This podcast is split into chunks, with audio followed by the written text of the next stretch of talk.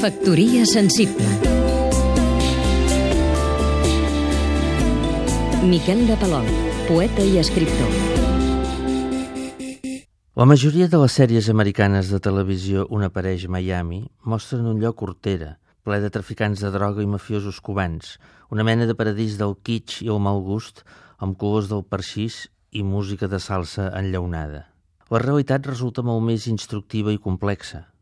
Entre els ciutadans d'origen cubà que t'hi trobes hi ha sobretot poetes, artistes, professors, enginyers i famílies senceres de professionals liberals. Les platges són un model de respecte ecològic d'on n'hauríem d'aprendre molt, amb milers de quilòmetres quadrats d'aigua molls protegits i matoll i jonquera autòctons a primera línia de mar salvaguardats de la voracitat del capitalisme incontrolat. En el país del descontrol liberal per excel·lència, resulta que són molt més seriosos i rigorosos que nosaltres. Si ens atenem al tòpic, el món a l'inrevés. Resulta que aquí es pretén haver adoptat un model d'explotació que no és tal. O és que els nostres gestors públics són tan inútils que no saben ni copiar. Factoria sensible Seguim-nos també a catradio.cat